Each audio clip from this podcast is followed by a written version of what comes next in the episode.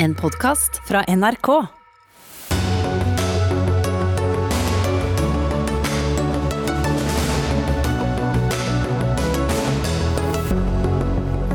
Klimaet er rettsløst i Norge, klager klimaorganisasjonene etter å ha tapt på alle punkter i Høyesterett. Nei, dommen setter skapet på plass der det hele tiden skulle stått, mener jusprofessor Eivind Smith. Med bare to dager igjen til jul stiger koronasmitten flere steder i Norge, og frykten for importsmitte fra bl.a. Storbritannia er høy. Er det bedriftseierne eller de ansatte som har mest igjen for milliardkompensasjonene til norsk næringsliv? Det blir debatt i Dagsnytt 18. Og populærmusikken føler seg diskriminert av Norsk kulturfond. Er det kun de smale kunstformene det skal strøs penger over? Ja, da sier vi god kveld og velkommen til Dagsnytt 18 på bitte lille julaften. Jeg heter Espen Aas. Og vi starter med dagens uh, sikkert mest omdiskuterte sak. Tap, tap og tap igjen. Staten brøt verken Grunnloven eller Den europeiske menneskerettskonvensjonen da den åpnet for mer oljeleting i Barentshavet. Ja, det slo et samlet høyesterett fast i dag. Dermed ender en flere år lang rettsprosess hvor flere miljøorganisasjoner har hevdet at statens oljeleting bryter med miljøparagrafen som bl.a. sier at enhver har rett til et miljø som sikrer helsen. Men nå har dette blitt avvist i tre rettsinstanser. Og Silje Ask Lundberg, leder i Naturvernforbundet, du er med oss fra Harstad. Hva er dere mest skuffet over i dag?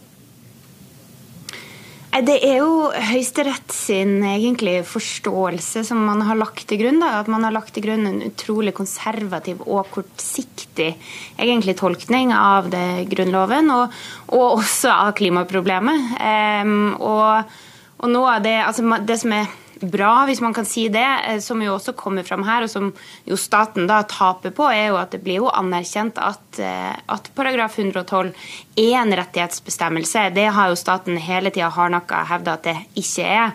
Men det sier de jo også her at det er.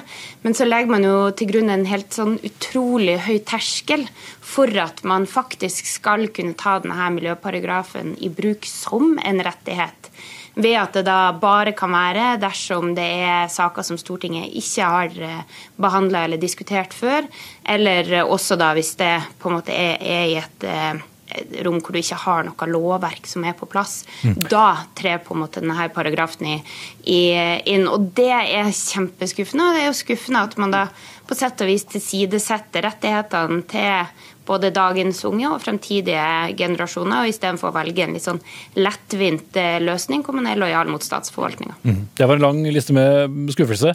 Petter Frølich, eh, stortingsrepresentant for Høyre og medlem av justiskomiteen, du er med oss fra Bergen. Du lovte i 2017 å spise hatten din om klimasøksmålet vant frem. Nå kan du beholde et normalt eh, kosthold, men hvorfor er denne dommen viktig for staten?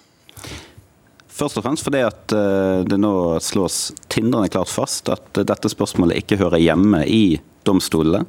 Eh, det er blitt eh, klart både i tingretten, lagmannsretten og nå i Høyesterett. Det hører hjemme i Stortinget, der vi har en 200 år gammel tradisjon i dette landet for å løse de store, vanskelige politiske spørsmålene som vi står overfor som nasjon. Der er veldig veldig eh, vanskelige avveininger i dette spørsmålet. Man skal ta hensyn til klima, man skal ta hensyn til næringsliv, man skal ta en rekke hensyn. Det er best eh, at de spørsmålene vurderes, debatteres og konkluderes i Stortinget. Og Hvis man er uenig i den retningen som politikerne tar, så har vi den fantastiske retten at man kan bytte ut politikerne hvert fjerde år. Og det er best at det blir på den måten. Ja, Lundberg, eh, Stortinget, vår, vår, eh, vår lovgivende forsamling. Hvis generasjonene eh, mener at eh, ting bør være annerledes enn det de er, så vil de vel på sikt uansett endres? Ja, absolutt. Men så er jo noe av utfordringa her, da, er jo noe det som man gjennom denne saken har avdekka, er jo hvor lemfeldig informasjon og kunnskap egentlig blir behandla i Stortinget når regjeringa har lagt fram eh, sine stortingsmeldinger, og hvordan kunnskapsgrunnlag som egentlig legges til grunn for de avgjørelsene som tas. For det er jo noe av det dette søksmålet har avdekka, har jo vært at det har blitt tilbakeholdt informasjon for Stortinget som kunne vise at eh, en potensielt eh, oljevirksomhet i Barentshavet sørøst ikke var like økonomisk fordelaktig, men tvert imot kunne gå i minus. Det var informasjon som ikke ble lagt fram for Stortinget, og som aldri hadde kommet for dage hadde det ikke vært for dette klimasøksmålet. Og så må jeg også si at Noe av det som har kommet fram gjennom denne rettssaken, har jo også vært hvor viktig det har vært å få behandla dette prinsipielt. Så jeg er kjempeskuffa over, over, det som er utfallet. Men det som vi så både fra lagmannsretten, men også fra at du har hatt altså, Høyesteretts plenum som har behandla saken, det sier noe om den viktigheten av dette søksmålet, og at denne saken faktisk har blitt brakt inn for domstolene. Så det er for all del hyggelig for Peter å slippe å spise hatten sin, men det er noe med å faktisk også kunne anerkjenne det behovet man har for å sjekke også hvordan lover som vi faktisk skal styre landet vårt etter, og om de faktisk gir oss rettigheter som vi kan prøve. Mm. Frølik, hva frykter du konsekvensene ville blitt eh, dersom utfallet ville vært eh, motsatt, altså at miljøorganisasjonene hadde vunnet frem? Dagen i dag har jo vært ganske rolig. Eh, det har vært en domsavsigelse og så noen pressekonferanser med saksøkere som åpenbart er skuffet. Men bare tenk dere hvordan denne dagen hadde vært hvis eh, Høyesterett hadde kommet til motsatt konklusjon hvor man altså plutselig hadde stått i en situasjon hvor flere hundre tusen mennesker har jobben sin knyttet til en grunnlovsstridig næring, hvor eh, Høyesterett og domstolene plutselig hadde stått midt i en krig mellom politiske fløyer. Eh, du skal få slippe til, Lundberg. Ja, nå ble jeg litt avbrutt her. Det kommer flere lyder når du avbryter, så bare la meg få fullføre. Um, Høyesterett hadde plutselig stått midt i en veldig betent uh, politisk kamp. Du kunne fått grov mistillit fra uh, ulike deler av nasjonen mot, uh, mot domstolene. Akkurat det samfunnet som vi ikke ønsker oss, og som vårt system i 200 år eh, har, uh, har unngått. Nemlig at hvis man er misfornøyd med politikken, så bytter man heller ut politikerne. Okay, da har vi fått det to ganger. Lundberg? Ja, altså nå, som, Her er det jo faktiske feil som kommer. Altså Det er ikke sånn at dette søksmålet har dreid seg om enten oljevirksomhet eller ikke. Dette søksmålet det har gått på 23. konsesjonsrunde. Det er altså den første konsesjonsrunden etter Parisavtalen. Det er også den første konsesjonsrunden hvor regjeringa valgte å glatt ignorere alle miljøvitenskapelige råd og frarådninger som kom inn. Noe man jo så også for så vidt har opprettholdt i etterkant, så hvordan Kunnskapspartiet Høyre fører kunnskapen i, i miljøpolitikken videre når det gjelder oljevirksomhet oljevirksomhet, den er litt vanskelig å se.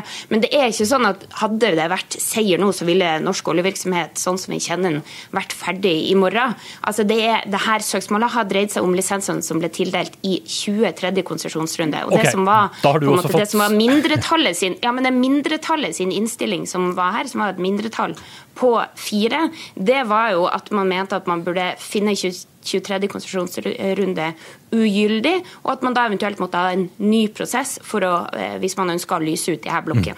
Mm. Kort til slutt, eh, Lundberg. Hva gjør dere nå? Nei, Nå skal vi jo granske denne dommen godt. Den er lang, for å si det sånn, og for å se hvordan eventuelle steg man Eh, kan ta videre juridisk. Der er det jo Menneskerettighetsdomstolen i Strasbourg er jo et alternativ, men det må vi se. Og uansett så er det sånn som det også blir sagt, det er stortingsvalg, og der håper jeg både at den unge generasjonen møter mannsterke opp, men ikke minst voksengenerasjonen, som også har sitt ansvar for de klimaproblemene som vi nå eh, står i. For det her det er en dom fra og for fortida, sånn som Teknisk Ukeblad så fint har sagt. Så da er det opp til oss å skape framtida. Mm. Så til eh, et par herrer i studio. Hans Petter Graver, professor ved Institutt for privatrett ved Universitetet i Oslo. Overrasket deg eventuelt med mm, dagens utfall i Høyesterett? Nei, resultatet var ikke så veldig overraskende. Men eh, jeg ble litt overrasket over begrunnelsen, faktisk. Hvordan da? Nei, Den var veldig eh, skal man si, teknisk og litt gammeldags, hvis man skal bruke karakteristikkene til Lundberg. Altså, Eh, Høyesterett bruker veldig mye plass på nokså formaljuridiske argumenter som eh, ordlyden i Grunnlovens 112 og forhistorien, og konkluderer med at det egentlig ikke avgjør saken i den ene eller den andre retning. Mm. Og så har de et veldig kort avsnitt hvor de trekker opp eh, de mer sånn substansargumentene, hvor de nevner rettsstatshensyn og politikk og demokrati. Og så trekker de konklusjonen som de gjør om at den ikke gir rettigheter i klimaspørsmål. Mm. Så noe konservativ uh, høyesterett, er det du sier? Ja, altså i, i andre saker av, av tilsvarende prinsipiell betydning, så har jo Høyesterett uh, lagt seg til en stil hvor de argumenterer nokså åpent og bredt og gjør rede for de forskjellige argumentene og momentene som eh, både for og mot, og, og viser hvorfor de ikke tar hensyn til noen argumenter og de tar hensyn til andre. og Det mangler helt i denne dommen. Så den er på en måte i stil veldig forskjellig fra andre eh, dommer som Høyesterett har på grunnlovsspørsmål. Mm. Eivind Smith, eh, professor ved Institutt for offentlig rett ved Universitetet i Oslo, du også. Du mener denne dommen da er, er helt riktig. Hvordan da? Altså, Jeg tar jo forbehold mot enkeltuttalelser i premissene, som jeg sikkert ikke kan være uenig i eller diskutere. Eh, og Jeg har også en liten innvending på et punkt som vi kan komme tilbake til, kanskje, men, men i hovedtrekk er dommen riktig, og helt som forventet. Det som overrasket meg, var at den var så tydelig på at det er nesten ikke noe å hente i paragraf 112, og derved tror jeg kanskje Høyesterett har bidratt til å unngå en rekke kommende rettssaker om den typen spørsmål. Uh, rettssaker og miljøspørsmål får vi mange av, men det er jo på grunnlag av lovgivning uh, her og der, men ikke på grunnlag av denne grunnlovsparagrafen. og Derved blir det antagelig mulig både for Naturvernforbundet og mange andre å konsentrere seg om hovedarenaen for miljø- og klimaspørsmål, nemlig politikken. Mm. Så Sånn sett er det, er det en aldeles utmerket dom. og Jeg reagerer litt på min, min kollega Hans Petter Gravers uh, idé om at det å vise til ordlyd og forarbeider er litt gammeldags og formaljuridisk. Det er jo det dommerskolen skal gjøre. Hvis vi syns at domstoler skal endre politikken, så må de slutte med det. Men, men Høyesterett har stort sett holdt seg til det vi kunne forutse, om vi tar nettopp ordlyd og forarbeider på alvor. Men, men Grave, vil da denne paragrafen i hele tatt brukes rettslig etter dagen i dag? Når det gjelder klima, så er det helt klart at de stenger døren for uh, enhver type klimaspørsmål. egentlig Det er nokså opplagt. Uh, og de stenger også døren for uh, overprøving av beslutninger som Stortinget har fattet. Så sier de at uh, saker som eh, besluttes av regjeringen og forvaltningen og kommunen og sånn, og det, de fleste miljøsaker besluttes jo der, uh, der har den betydning både for tolkning av de hjemmelsbestemmelsene som uh, da brukes, og, og, som en bindende føring for skjønnet. Mm. Så med mindre saker avgjøres av et stortingsflertall, så kan den fortsatt brukes? Absolutt, ja. Og, og det er nokså viktige ting som Høyesterett sier om de spørsmålene, selv om de også tar forbehold for hvor dypt domstolene da vil gå inn i overprøving av den typen saker. Men jeg vil bare si til det som Smith sa om ordlyd. Selvfølgelig er ordlyd og forarbeid viktige argumenter, men poenget mitt er bare at konklusjonen som kommer etter de lange utlegningene, er at de avgjør ikke dette spørsmålet i den ene eller den andre retning. Og Derfor burde man også da gått inn bredere i de reelle vurderingene som gjorde at de havnet på den ene og ikke den andre løsningen. Det er det som er Hvis vi godtar ditt premiss om at de mener at ordlyd og forarbeider ikke i noe særlig grad avgjør saken, så er jeg enig med deg. Men de sier vel nærmest at det gjør det, og det mener jeg er riktig. Ellers vil jeg gjerne få lov til å si en litt annen ting i denne debatten. For å forstå en dom av denne typen, så tror jeg det er viktig å skille mellom hva man ønsker seg av resultatet, og hva man ønsker seg at en domstol skal si om resultatet. Om kommentarer i dag har stort sett handlet om at man er glad for resultatet fordi man er enig i det, eller skuffet, selvsagt, fordi man er uenig i resultatet som sådan. Veldig opptatt av klima, hvilket vi er, mange av oss. Mens denne dommen er, er altså nokså nærsynt i en viss forstand, jeg er enig i det. Men uh, da får man tenke på hva man vil ha domstoler til. Og vil man ha domstoler til å si hva retten stort sett er i dag, så er dommen aldeles utmerket, syns jeg, med noen forbehold her og der. Uh, vil man ha domstoler til å fortelle oss hvordan jussen burde ha vært, Grunnloven burde ha vært, så får man kanskje tenke på å lage seg en annen høyesterett, en konstitusjonsdomstol med helt andre mennesker, f.eks. enn denne komiteen av jurister som nå satt i dommerkapper og avgjorde saken. Mm.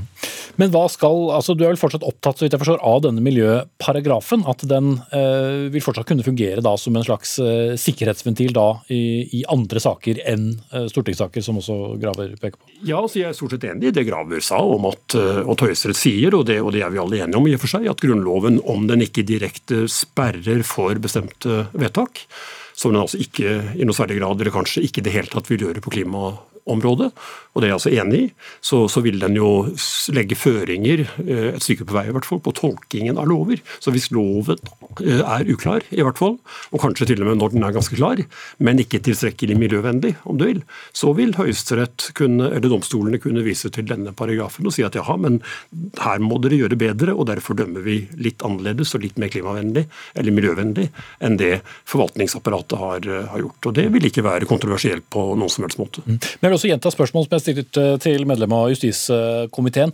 Dersom eh, organisasjonene hadde vunnet frem, hva ville da blitt konsekvensen?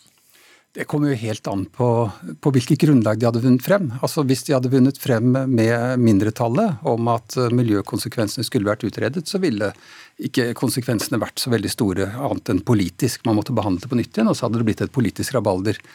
Men det er klart at hadde organisasjonene vunnet frem på at de økte CO2-utslippene av eh, ny utbygging av olje strider mot eh, Grunnlovens 112, da ville det fått eh, dramatiske konsekvenser for norsk oljepolitikk. Ikke nødvendigvis en utfasing av den, men at da måtte regjeringen og Stortinget ha funnet på kompenserende tiltak, altså f.eks. CO2-lagring eller andre ting, da, for enhver ny olje- og gassenhet som ble utvunnet. Mm. Og Du fryktet også litt eh, amerikanske eh, tilstander, da vi snakket med deg før sending? Ja, jeg har ikke brukt det uttrykket. Det gjorde jo regjeringsadvokaten i sin tid, og fått masse kjeft for, for, for det i og for seg.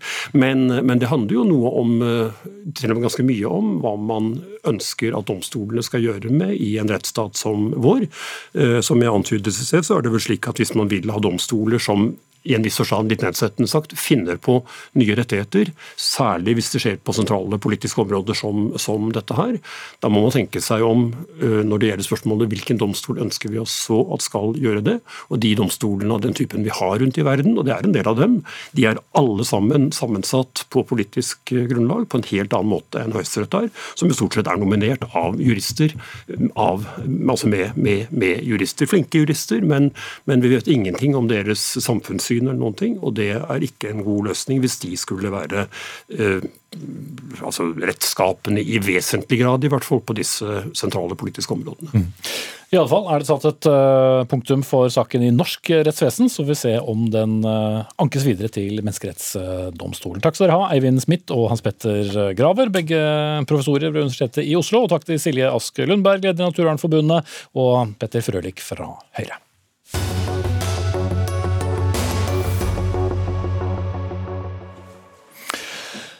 Så til eh, smittesituasjonen her hjemme. Det er ikke lenge siden en av våre storbyer, Trondheim, var for grønn og regne når det gjaldt smitte, men nå er byen blitt blodrød. Og smittetallene de fortsetter å stige. I går ble det satt en foreløpig smittetopp med 44 nye smittede, og i formiddag var kommunens kriseledelse på plass. Og kommunedirektør i Trondheim, Morten Vollen, dere kommer likevel ikke med noen nye tiltak eller innstramminger nå rett før jul. Hvorfor ikke? Nei, Vi har jo nettopp eh, innført en del innstramminger som eh, skal være i tråd med det nivået vi er på når det gjelder smitte. Men vi går jo ut med en del anbefalinger, og vi skal jo følge denne situasjonen nøye gjennom hele jula. og Hvis det blir behov og smittetrykket blir enda større, så kan vi iverksette tiltak på veldig kort tid. Vi går nå ut til byens befolkning og sier f.eks. at man kanskje skal ta eh, treningsturen eh, ute i det fri i stedet for å oppsøke treningssenter. Eh, vi har snakka med treningssenter og ber dem om å skjerpe sine rutiner. fordi at En del av smitten nå ser vi i treningssenter, uteliv, restauranter. På samme måte som sier vi at kanskje kan man da utsette den festen eller den, det, det å oppsøke utelivet akkurat i disse dagene fordi at vi er i en svært labil og uforutsigbar situasjon. Det er jo ikke lenge siden det ble poengtert ganske ettertrykkelig hvor glad dere var for det lave smittetrykket. Ble dere tatt litt på sengen, for å bruke det uttrykket? Kanskje kan man si at man ble litt uforsiktig. Uh, det er jo sånn at her, altså Man må jo gjenta budskapet gang på gang. at uh, ja, det er viktig nå å bruke munnbind, men minst like viktig med avstandsregler. Like viktig å begrense antall sosiale kontakter og være forsiktig når man er ute sammen med mye folk. Sånn at jeg tror at det er viktig å bare gjenta budskapet. og Nå bør det i hvert fall ikke være noen grunn til at man ikke er uhyre forsiktig i de kommende dagene. Så får vi kanskje litt hjelp av julehøytida. fordi at vi stenger jo ned nå, og både skoler og barnehager hadde sin siste dag i dag. Og nå skal jo folk forhåpentligvis feire jul og ta det litt mer med ro. Det er jo smittefare i hjemmet òg, selvsagt. Men, men, jeg tror kanskje vi får litt hjelp av det, og så skal vi følge nøye med smittetallene. Mm. Preben Aavitsland, overlege og ansatt ved Folkehelseinstituttet. Hva er deres råd til Trondheim? Burde de innført strengere tiltak, eller er det greit på det nivået kommunen nå ligger? Jeg tror det er greit sånn som de gjør det nå. Vi har god dialog, fortløpende dialog med kollegaene i Trondheim. Og vi gir eh, veiledning og, drøfter eh, tiltak sammen med de. Og eh, vi er enig i måten de griper dette an. Husk at det viktigste er ikke disse tiltakene ute i samfunnet. Det viktigste er testinga og smitteoppsporinga. Og, og løpe etter viruset, finne de som er smitta, og sørge for at de er isolert og at deres kontakter er i karantene. Mm. På den måten så, så stopper man dette. To dager igjen eh, til jul. Eh, Dere følger utviklingen i Trondheim og, flere andre tettsteder uh, hvor det har vært mye smitteutvikling. Hvilke andre steder er dere urolige nå for før høytiden for alvor setter inn? Ja, Vi er urolige for, for mye av landet pga. All, den, all sosial kontakt og alle sammenkomster i jula.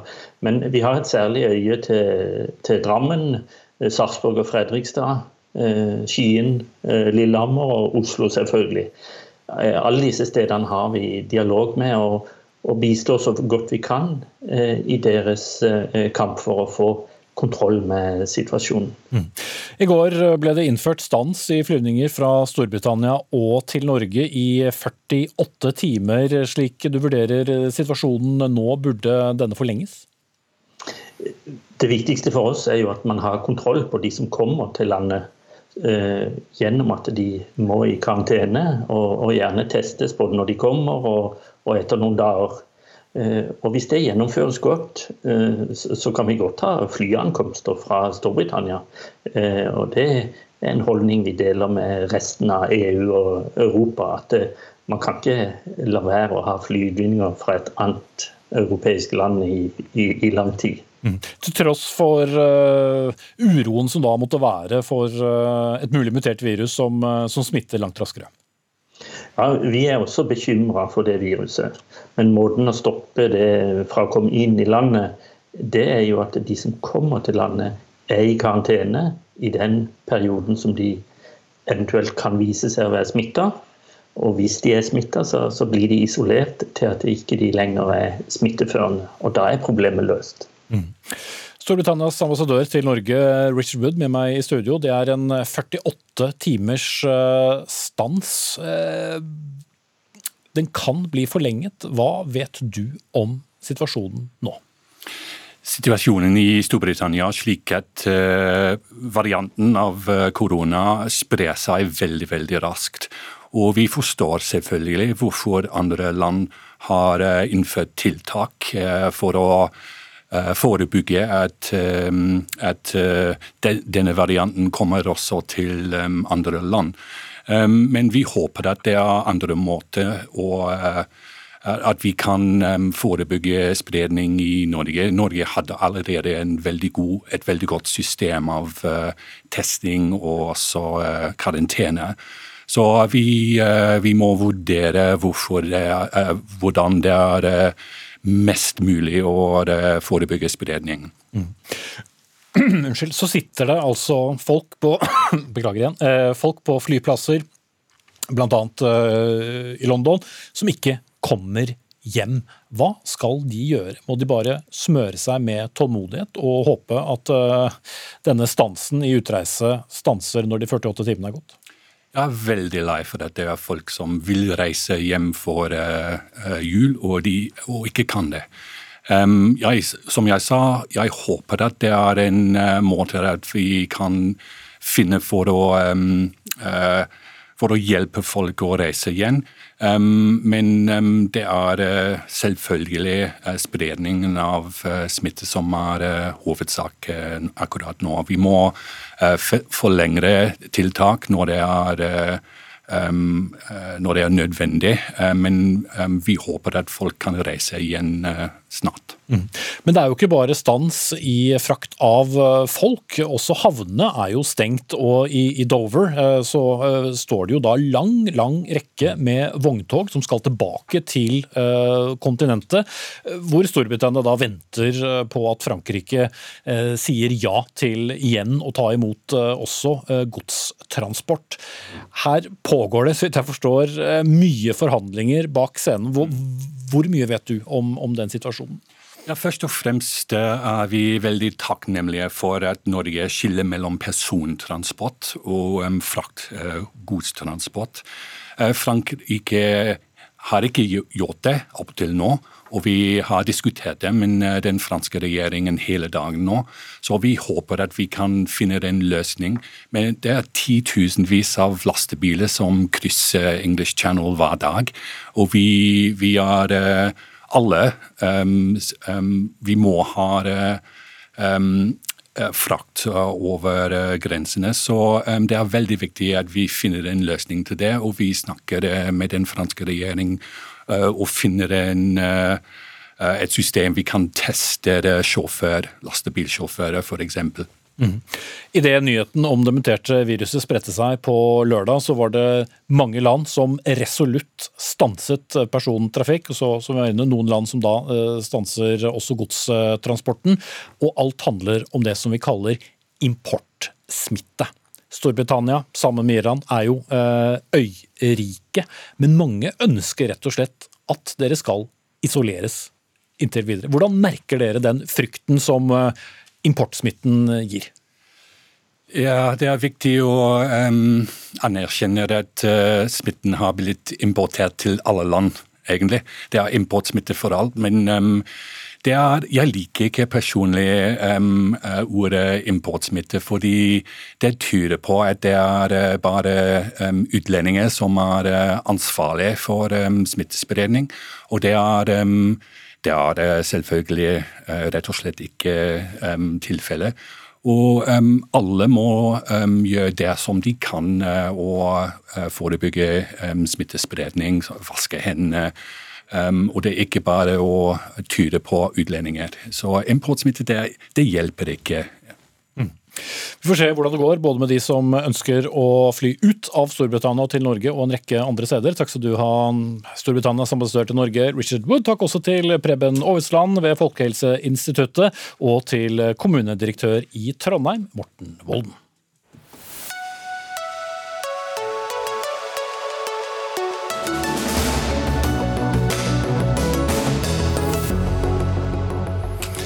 Hvem tjener mest på støtteordningene fra staten, ansatte eller bedriftseiere? Se det skal vi debattere litt senere i sendingen. Nå skal vi utenriks, for den norske diplomaten Tor Vennesland fikk i går jobben med å lede FNs fredsarbeid overfor Israel og palestinerne. Som FNs spesialkoordinator for fredsprosessen i Midtøsten blir hans oppgave å blåse liv i en fredsprosess som vel slett ikke har vært noen fredsprosess på lang tid. Vi inviterte Vennesland til Dagsnytt 18 i kveld. Han kunne ikke komme, det kunne derimot du, Morten Heian Engdahl, seniorrådgiver og nyutnevnt assisterende direktør i Noref, Norsk senter for internasjonal konfliktløsing. Noen vil jo kanskje si at dette er vel en eh, nærmest umulig oppgave å skulle blåse liv i denne eh, prosessen med, med historikken, men eh, hvilke små oppgaver kan han gå løs på med det første? Ja, Det er også et uendelig langt eh, teppe. Jeg tror, og jeg tror det er nettopp der det ligger, egentlig, at eh, hvis du ser på rammebetingelsene til hvem det skulle være, om det er Vennesland eller noen andre som skal inn i en sånn type stilling i dagens politiske situasjon internasjonalt, og i dagens eh, FN osv., så, videre, så tror jeg ingen av oss som ser på en sånn utnevnelse, tenker ja, nå er tidspunktet for et kjempegjennombrudd. Men diplomati og en sånn type stilling er jo nettopp på mye mer enn det. Det er masse små ting, masse små eh, branner som slukkes hele veien. Masse små og store problemer. Eh, og det får når kanskje ikke overskriftene på samme måte som en, et stort fredsprosess-gjennombrudd eh, gjør, men det er likevel her liksom kjernen av oppdraget ligger, da. Mm. Ine Eriksen Søreide, utenriksminister fra Høyre. Vennesland har jo en lang diplomatkarriere bak seg i Utenriksdepartementet. Men hvor viktig er denne jobben sett med våre øyne? Det er helt riktig at Vennesland er en av våre aller mest erfarne diplomater, og han har et eh, utstrakt kontaktnett i regionen som gjør at han både kjenner alle, kan snakke med alle og har eh, veldig stor respekt eh, i regionen. Og det er et ganske viktig utgangspunkt for den jobben han skal gjøre. Vi går inn i Sikkerhetsrådet om eh, et par uker, og det er en liten tvil om at Israel-Palestina-konflikten fortsatt kommer til å stå på Sikkerhetsrådets agenda. Han kommer sannsynligvis til å ha sin første brif for Sikkerhetsrådet i slutten av januar som spesialkoordinator. Og det er jo en konflikt som kommer til å forbli uløst sannsynligvis i noe tid framover. Og det skyldes jo først og fremst at det er en politisk konflikt som må løses politisk. Det er mye politisk ustabilitet eh, i regionen og i begge landene. Det at vi nå sannsynligvis får oppløst Knesset i morgen fordi man ikke klarte å bli enige om budsjettet, og sånn sett skal sende Israel ut i sitt fjerde valg på to år, hjelper jo heller ikke. Og det at det er manglende palestinsk samling og ganske store endringer i regionen som også påvirker Israel-Palestina-konflikten, er også noe som kan skape positiv dynamikk, men som også kan gjøre ting vanskeligere. Og så tror jeg det siste poenget knytta til vårt sikkerhetsrådsmedlemskap og hvorfor hans posisjon og rolle er viktig, er jo at det vi har sett over tid, er at det å ikke klare å løse denne type regionale konflikter også påvirker Europa negativt. Eh, derfor har vi alltid investert veldig mye i å forsøke å bidra til løsninger. Fordi vi ser jo at det både i regionen og mot Europa har veldig stor betydning at disse konfliktene fortsetter, og vil ha enda større betydning om de kunne bli løst. Men all grunn til å legge forventningene ganske lavt? Ja, altså man kan si, Som, som Marte Heian Engdahl sier, det er jo eh, all grunn til å forvente at dette er noe som kommer til å bli vanskelig, og man kommer ikke til å få store gjennombrudd med en gang. Det som er Fordelen til Tor Vennesland, er at han har jobba med dette feltet så lenge. Han er jo eh, min eller vår spesialutsending for Midtøsten nå. Han jobber veldig praktisk, og han er en person som kjenner partene såpass godt at han er ganske vanskelig å lure. Og det tror jeg er en fordel i denne sammenhengen, fordi han er en praktiker som kan gå inn og bidra til å løse også de små tingene som har stor betydning for hele bildet. Og det har han vist eh, veldig tydelig gjennom den jobben han har gjort på vegne av, av Norge. Og det er nok noe han kommer til å ta med seg i det arbeidet han nå begynner. Mm. Heian Engdahl, eh, det er en lang vei med mange mislykkede forsøk for deg som har fulgt med på denne eh, situasjonen over lang tid. Er det noen fellesnevnere ved alt det som ikke har gått?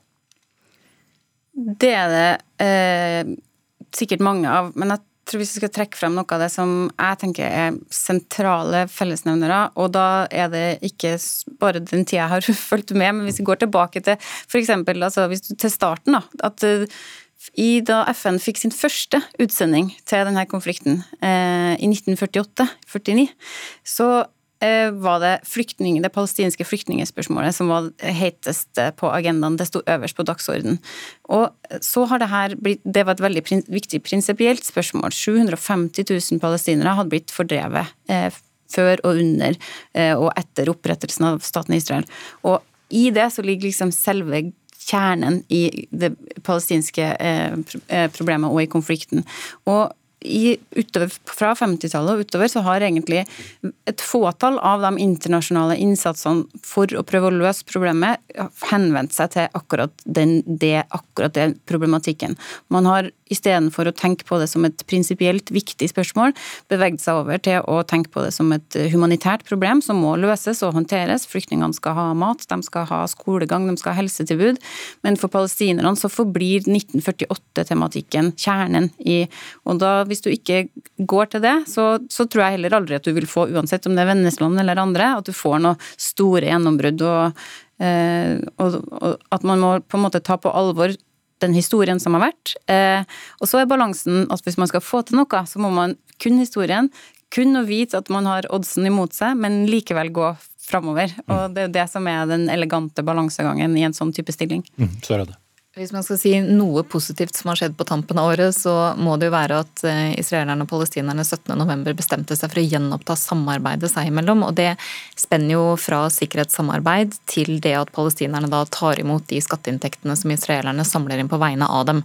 Det er en ganske vesentlig forutsetning for å eventuelt kunne komme videre til å begynne forhandlinger igjen. Veien fram dit er lang, og jeg tror ikke vi skal ha noen forventninger om at vi kommer dit snarlig men uten at man finner en løsning på hele problemkomplekset, som eh, Heian Engdahl sier.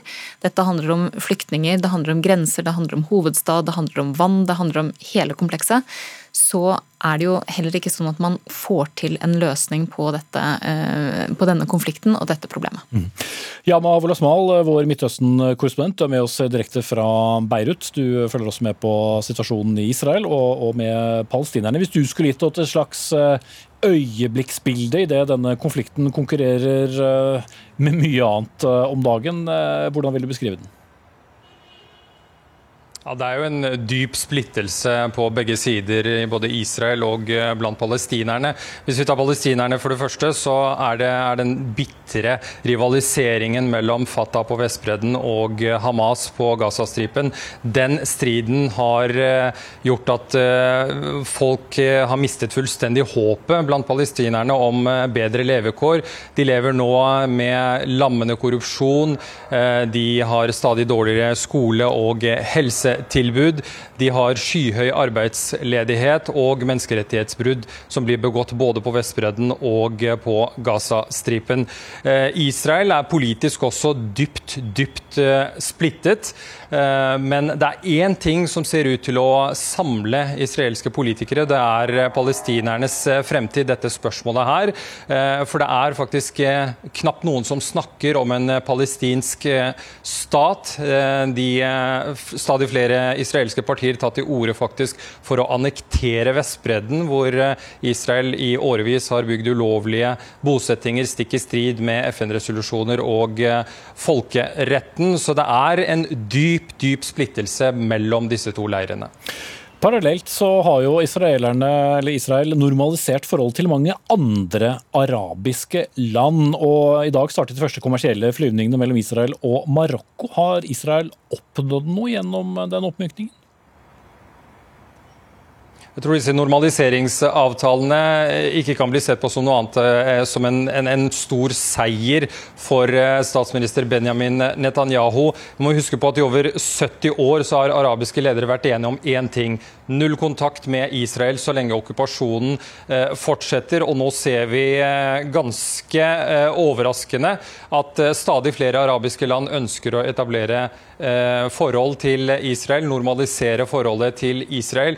Vi befinner befinner oss i en slags absurd situasjon hvor arabiske turister blir tatt imot med åpne armer i Israel. Og så ser vi israelere og arabere feire den jødiske høytiden Hanukka midt blant Dubais skyskrapere. Dette er historisk, og dette vet Benjamin Netanyahu å utnytte fullt ut i den eh, forestående valgkampen. Mm. Og Søreide, Betyr det at også palestinerne får det litt vanskeligere? Det betyr i alle fall at eh, palestinerne også må bidra eh, kanskje på en litt annen måte til en løsning. fordi det betyr at det som tidligere har vært en veldig klar støtte fra arabiske land i regionen, ser jo nå ut til å, om ikke endre seg dramatisk, så er det i hvert fall et tydelig tegn til at mange sier at palestinerne også må gjøre noe mer enn å si nei til forslag. Jeg har snakka med mine kollegaer i mange av disse landene for å høre litt mer om hva som ligger bak at de har valgt å inngå denne type normaliseringsavtaler. Og, og det er jo et tegn også på en, en veldig endra dynamikk. Og jeg tror nok palestinerne i mange tilfeller nå også føler seg kanskje mer isolerte enn de har gjort på lenge, fordi at de har vanskeligere med å, å nå fram når ikke deres tradisjonelle venner og allierte i regionen på samme måte som før eh, bare eh, jobber for deres sak. Når det er sagt, så er jo støtten til den palestinske saken veldig veldig sterk i regionen. Men det er ikke, tror jeg, lenger det eneste eh, poenget i relasjonen med andre land som, eh, som en del arabiske land har. Og så er det spennende å se også hvordan eh, den nye amerikanske administrasjonen håndterer dette. Eh, jeg tipper at ordbruken og balansegangen kommer til å være litt annerledes enn den vi har sett til nå. Men samtidig så må vi jo være veldig klar over at en ny president Biden kommer til å ha sin oppmerksomhet helt andre steder enn her. Og det har jo tradisjonelt vært sånn at amerikanerne eh, og amerikansk engasjement og deltakelse har vært helt avgjørende for å få bevegelse i, i konflikten. Og vi har jo veldig nær kontakt både med amerikanerne, med palestinerne og med israelerne. Og det er jo en kontakt som også Tor Vennesland tar med seg inn i det arbeidet han nå skal gjøre. Men at det blir enkelt, det tror jeg ikke. Heian Engdahl, på palestinsk, det betyr altså at de må komme med flere innrømmelser. Og at de må jobbe mer for å bygge bro i den eh, splittelsen som er der, f.eks. mellom um, Fatah og Hamas? Det er helt åpenbart at palestinerne har en formidabel eh, stor oppgave foran seg, fordi det er et veldig enkelt, eh, enkel måte å avvise eh, dem som forhandlingspartner på, ved å si at hvorfor skal jeg forhandle med deg, når du uansett ikke snakker for den parten.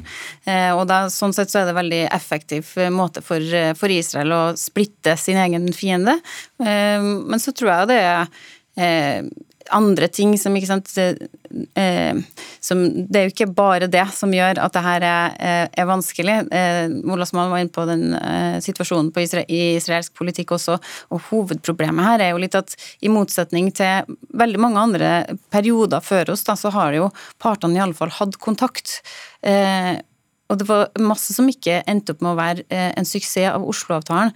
Men det at man eh, på en måte nærma seg hverandre og har hatt mer normalisert forhold, eh, det er jo Nå har vi Vi er nesten bak det igjen, på en måte. Vi er bak nullpunktet. Det er nesten ikke folk-til-folk-samvær. Det er den Fortellinga om den andre er blitt stor og fremmed og veldig skummel. Og det er et enormt hinder for å finne fredelige løsninger på konflikten. Mm. Til slutt, Yama Wolasmal, ser du noen tegn til at de vil komme hverandre litt mer i møte også på, på palestinsk, palestinsk side? For den splittelsen der har jo vært et problem i veldig, veldig lang tid.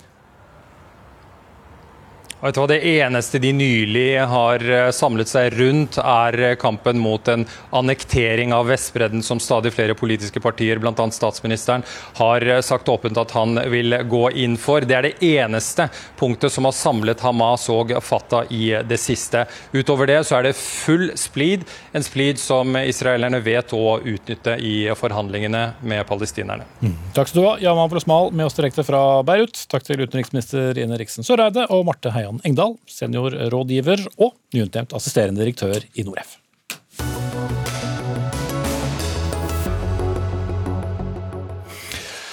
Hvem eh, nyter egentlig mest av kompensasjonsordningene fra staten? Ansatte, som forhåpentligvis har en arbeidsplass å komme tilbake til når alt blir normalt igjen, eller er det først og fremst bedriftseierne som eh, nyter godt? Ja, Den diskusjonen har gått i Dagens Næringslivs eh, spalter eh, noen dager nå.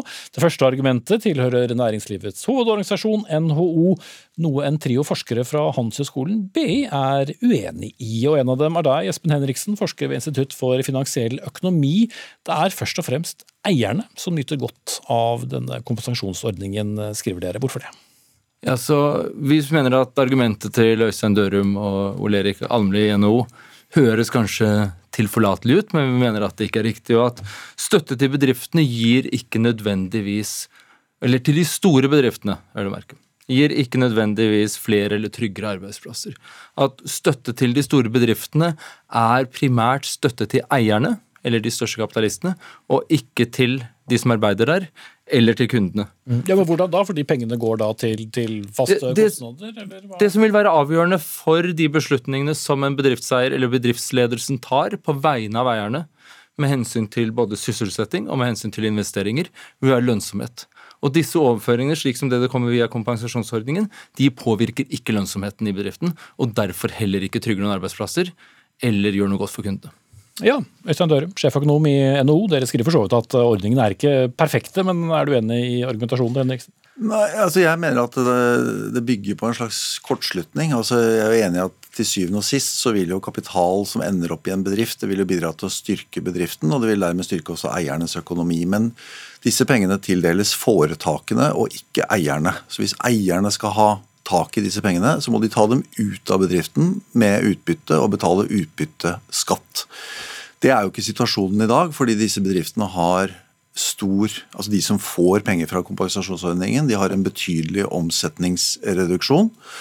Og så får de dekket deler av de faste kostnadene. Og det de ikke får dekket, det må eieren skyte inn. Eh, eller eventuelt gå til velvillige långivere, som det er lengre mellom i krisetider, for å holde bedriften flytende.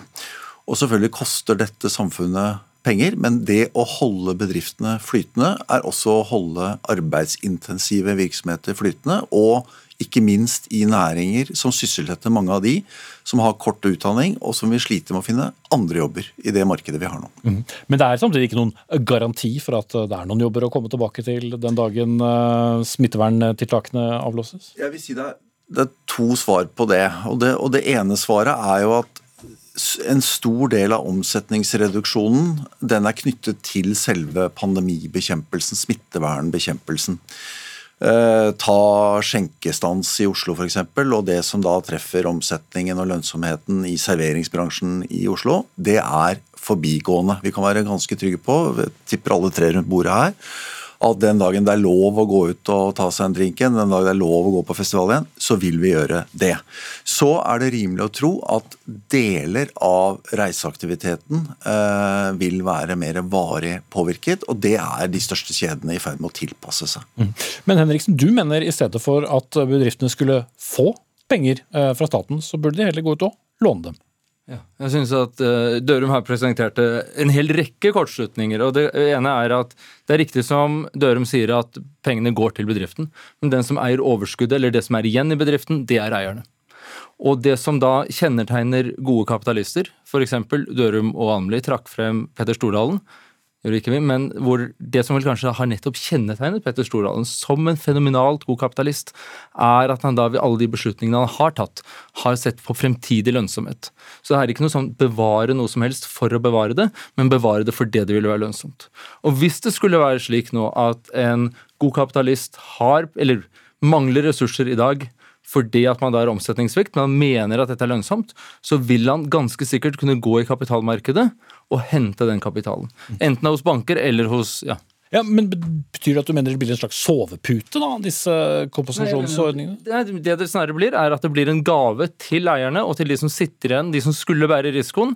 Det blir en gave til dem, og når vi da overfører penger fra fellesskapet til disse eierne ultimat via, selv om det går via selskapet, så er dette da mindre penger som vi har til rådighet til sykehus, det er mindre penger vi har til rådighet til skole, eventuelt til skatteletter. Og hvis vi ikke gjør det i dag, så eventuelt tar det fra oljefondet, så betyr det høyere skatter i fremtiden. Dere.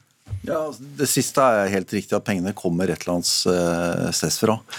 Men det, det dere også syns er ganske lett hopper bukk over, er jo at eh, altså, ja, eh, bedrifter drives for eiers regning og risiko. Det er den normale, normale situasjonen. Denne krisen er ulik alle andre kriser, i den forstand at fellesskapet har pålagt noen virksomheter å stå i frontlinjen i pandemibekjempelsen. De har fratatt dem muligheten til å drive normal forretningsdrift. Og kompensasjonsordningen, og det ligger også delvis i navnet, er en slags kompensasjon for det at man ikke kan drive butikken på normalt vis. Og ja, eh, for en del store virksomheter så, er, så gir eh, kapitalmarkedet tilgang, nokså lett tilgang på kapital, men du trenger også risikokapital, og du trenger noen som er villige til å stille opp med den risikokapitalen. Og Hvis eiere går over ende, så er det ikke åp og på, på disse, dette grunnlaget så er det ikke åpenbart at noen nye stiller opp i den samme situasjonen. Henriksen. Et par poeng. Sånn at én vi, det vi stresset er at dette er store bedrifter. Altså Vi har ingen problemer med kompensasjonsordningen for små og mellomstore bedrifter, og gjerne der hvor vi ikke kan skille driftsansvar fra eierskap, slik at hvis det går over ende, at det ikke vil være noen som kunne ta over. Eh, to, at det som vi vil da ser i kapitalmarkedet i dag, er at det er antagelig Rentene har aldri vært lavere.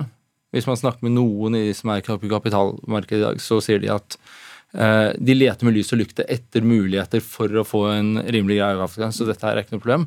Og Det tredje poenget er at Det kan være at kompensasjonsordninger slik den da ble raskt, og all ære til Finansdepartementet som fikk etablert den så raskt i mars, da både kapitalmark fungerte dårlig, vi ikke visste hvor lenge pandemien ville eh, vare. Da var den kanskje veldig hensiktsmessig. I dag hvor vi igjen vet at pandemien antagelig Vi ser lyset i tunnelen med vaksinene. Kapitalmarkedene fungerer kanskje bedre enn noensinne så er det et mye mindre argument da for at vi da skal overføre til eierne, og ikke bare la kapitalmarkedet få ta den jobben det er med å plukke ut hvem som er fremtidens vinner, eller hvilke mm. Så hvis vi isolerer det til de store bedriftene som Henriksen her gjør da, Dørum, kunne ikke nettopp de likevel skaffet seg det sikkerhetsnettet ved å låne penger fremfor å få penger?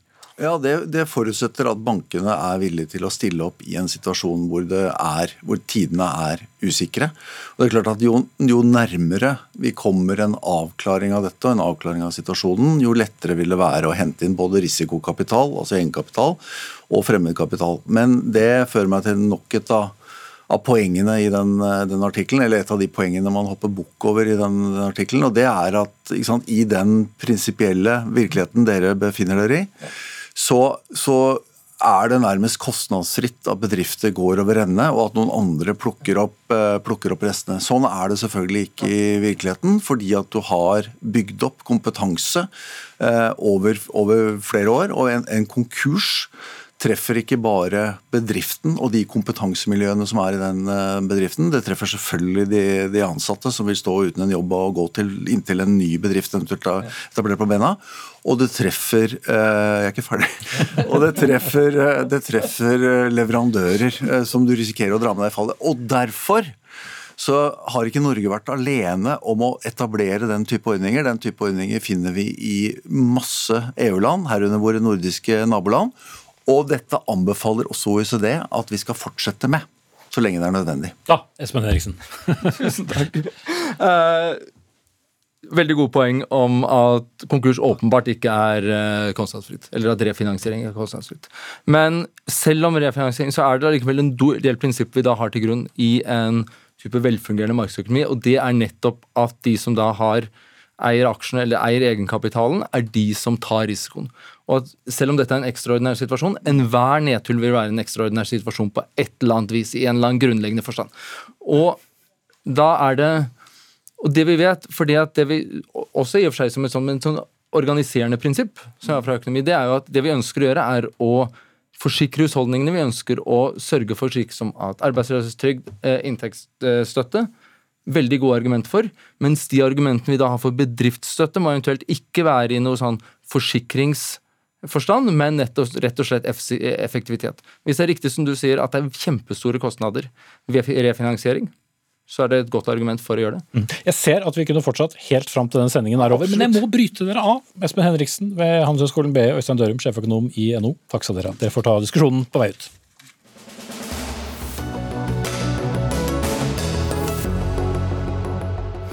Vi skal ha plass til litt uh, musikk på slutten. Ikke for å spille det, da, selvsagt. Vi er jo Dagsnytt Vi skal uh, diskutere. Uh, norske låtskrivere føler seg nemlig diskriminert av Kulturrådet, og mener populærmusikkfeltet ekskluderes av Norsk kulturfond når det deles ut penger.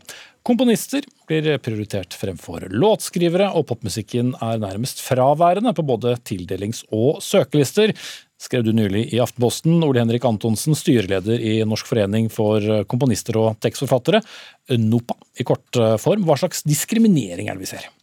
Altså det, er to, to eh, forhold. Det ene er de ordningene som du faktisk kan søke på. Eh, og det andre er hvordan det blir behandla i, i, Kulturrådet som er administrasjon. Hvis jeg tar det første sida Kulturfondet som lager ordningen, som sitter her ved Lars Petter, så er det det at for en som driver med populærmusikk, det være seg rock, rap, R&B, visesang, EDM, uansett hva, så er det, hvis du er en skapende eh, kunstner, da, så er det én ordning du kan søke på. Den heter bestillingsverk og produksjonsstøtte. Og for de som driver med det som jeg nevnte nå, så er bestillingsverk et ganske fjernt ord. Og det gjør at de eh, kanskje ikke engang søker, men dernest hvis de søker, så, så blir de heller ikke prioritert. Fordi at de, de faller på en måte helt utafor det. Mm. Og der går igjen, eh, det, det låtskrivere, men det går igjen også på musikere, ensemblestøtte, det går igjen på festivalstøtte, det går igjen over hele feltet. så det er bare å ta Excel-arket og, og, se hva som går til populær eh, musikk, kontra hva som går til andre sjangere. Mm. Lars Petter Hagen, rådsleder i Kulturrådet. Er svaret rett og slett at uh, Antonsen og hans folk uh, Det er ikke meningen at de skal søke hos dere? Nei, det er absolutt ikke meningen å si at de ikke skal søke. De er hjertelig velkommen i Kulturfondet. Eh, alle Kulturfondets åpninger er sjangeråpne innenfor musikkfeltet. Eh, og det har vært viktig for Kulturfondet gjennom mange år å lage disse, disse, disse ordningene sjangeråpne. Og vi ser jo også at det er et økt tilfang av søkere og, og også tildelinger fra populærmusikkfeltet og fra alle andre alle andre musikkfelt, og det er vi veldig glad for. Jeg vil nyansere bildet litt. For f.eks. både innenfor musiker- og ensemblestøtte, festival og arrangør, og ikke minst eh, innspilling og publisering, så er eh, populærmusikkfeltet mye mer representert enn i denne ene ordningen da, som Antonsen refererer til. Mm. Men mye av populærmusikken skal vel også slik sett være kommersiell og ikke trenge så mye støtte, eller? Ja, og sånn har det sikkert historisk sett vært. Og det er lett å tro populærmusikk, da er man veldig populær, da er man veldig rik. Eh, noen få er det, men veldig mange som driver med de her sjangrene, som i, i byråkratisk eh, populærmusikk er veldig bred sjanger. Eh, så er det veldig mange som sliter med å få endene til å møtes, selv om de har et stort publikum, selv om de har en viktig rolle i norsk kulturliv. Og det, det er lett å ta for gitt at populærmusikk er som vann i krana at det som finnes, men, men det er faktisk den Eh, altså, vi, se, det var en som skrev på Facebook hvis det skjer noe, eh, ta 22. juli, hva er det man tyr til? Hvilken kunstform er det man tyr til? Jo, det er populærmusikken. Det er den som, Samme i korona, vi så hvem kasta seg rundt. Og Hvis man ser på tildelingsbrev til Kulturrådet og til Kulturfondet, så står det at det skal være bredde, det skal være mangfold, og det skal nå flest mulig. Og eh, da eh, Norsk kulturfond, når de da eh, tildeler nesten 400 millioner i året til musikk, Når man ser hvor forsvinnende liten del som, som, som, går til populærmusikk, så er det noe som skurrer veldig. Og jeg tror det har litt med sammensetning av rådet som, som Lars Petter Hagen leder. Mm. Hva er i så fall forklaringen hvis den er så lav som eh, Antonsen og, og NOPA mener her, Lars Petter Hagen? Altså, rådet er jo sammensatt av ti personer, eh, og mangfold er noe av det viktigste vi, eh, vi har på agendaen. Eh, men det er klart at eh, Kulturrådet de skal representere alle kunstområdene. Det skal være eh, representanter fra de ulike regionene, det skal være kjønnsbalanse, det skal være aldersspredning, det skal være representasjon fra nasjonale minoriteter, det skal være ulike kulturelle bakgrunner. Så det er en stor grad av representasjon. Så måten man løser det på, er ved å delegere til fagutvalg behandlingen av søknadene. Og i de fagutvalgene så sitter det personer med spesialkompetanse på populærmusikk. Mm. Det blir veldig teknisk dette, men spørsmålet er jo egentlig om da eh, populærmusikken blir veldig liten i forhold til resten. Ja, den, den, den, kan helt sikkert være større, men, men, men, men, det er absolutt ingen Altså, vi prioriterer definitivt ikke ned populærmusikken. Det er dessverre litt for få søknader. Derfor er vi interessert i den type eh, dialog også, for å utvikle våre søknader. Det er så få søkere kan søke, sier Antonsen. Ja, det er ikke riktig, fordi alle, eh, alle ordningene i Kulturrådet er sjangeråpne. De sier at de er sjangeråpne, men bare for å ta et lite eksempel. Den ordninga jeg snakka om, der var det ei tildeling til populærfeltet i, i hele fjor. Jeg sjekka også før vi gikk på nå, så sjekka jeg eh, den som heter Musiker-ensemble-støtte. Eh, der var det tildelt 2,3 mill. i siste tildelingsrunde til, eh, til populærfeltet mens klassisk slash samtidsmusikk fikk 29,2 millioner. Og det, det, størrelsesforholdet går igjen uansett hvilken, om du ser på festivalstøtte, uansett hva du ser på, så er det, det går igjen og igjen og igjen. og igjen.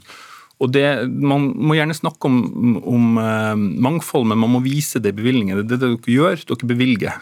Og det er der dere kan handle. Hvor, skal de søke, da? hvis du driver med populærmusikk? Her er vi litt ved kjernen av, eh, av problemstillingen. og det handler nok litt om, eh, De tallene du refererer til der, det kjenner ikke vi nødvendigvis igjen i våre statistikker. Selv om det selvfølgelig er mindre. Ja, Men det er også din tolkning av hva populærmusikk er. Og det er litt uheldig å ha en såpass snever eh, forståelse av, av av populærmusikkbegrepet. Altså Når vi lager våre ordninger, så, så, ønsker vi et totalt kulturelt og et stort musikalsk og, og kulturelt eh, mangfold. Det er avgjørende for oss, men samtidig er det viktig for oss å også støtte ekstra de kulturelle uttrykkene som er underrepresenterte i en offentlighet som er veldig dominert av eh, kommersielle kunst- og kulturuttrykk. Så, så at det er noe skjevt kanskje i forhold til populærmusikkfeltet, det er ikke helt unaturlig, men det er på ingen måte noen bevisst diskriminering. Jeg må sette strek der. Lars Petter Hagen, rådsleder i Kulturrådet, og en litt mer målstemt Ole Henrik eh, Antonsen i eh, NOPA. Vi får si som Nietzsche, uten musikk ville livet være en feiltagelse. Han delte det dog ikke inn i noen sjangere. Dag Dørum var ansvarlig for eh, dagens Dagsnytt 18. Helje Svensson tok seg av det tekniske. Jeg heter Espen Aas. I morgen er kollega Sigrid Solund på plass med ny sending.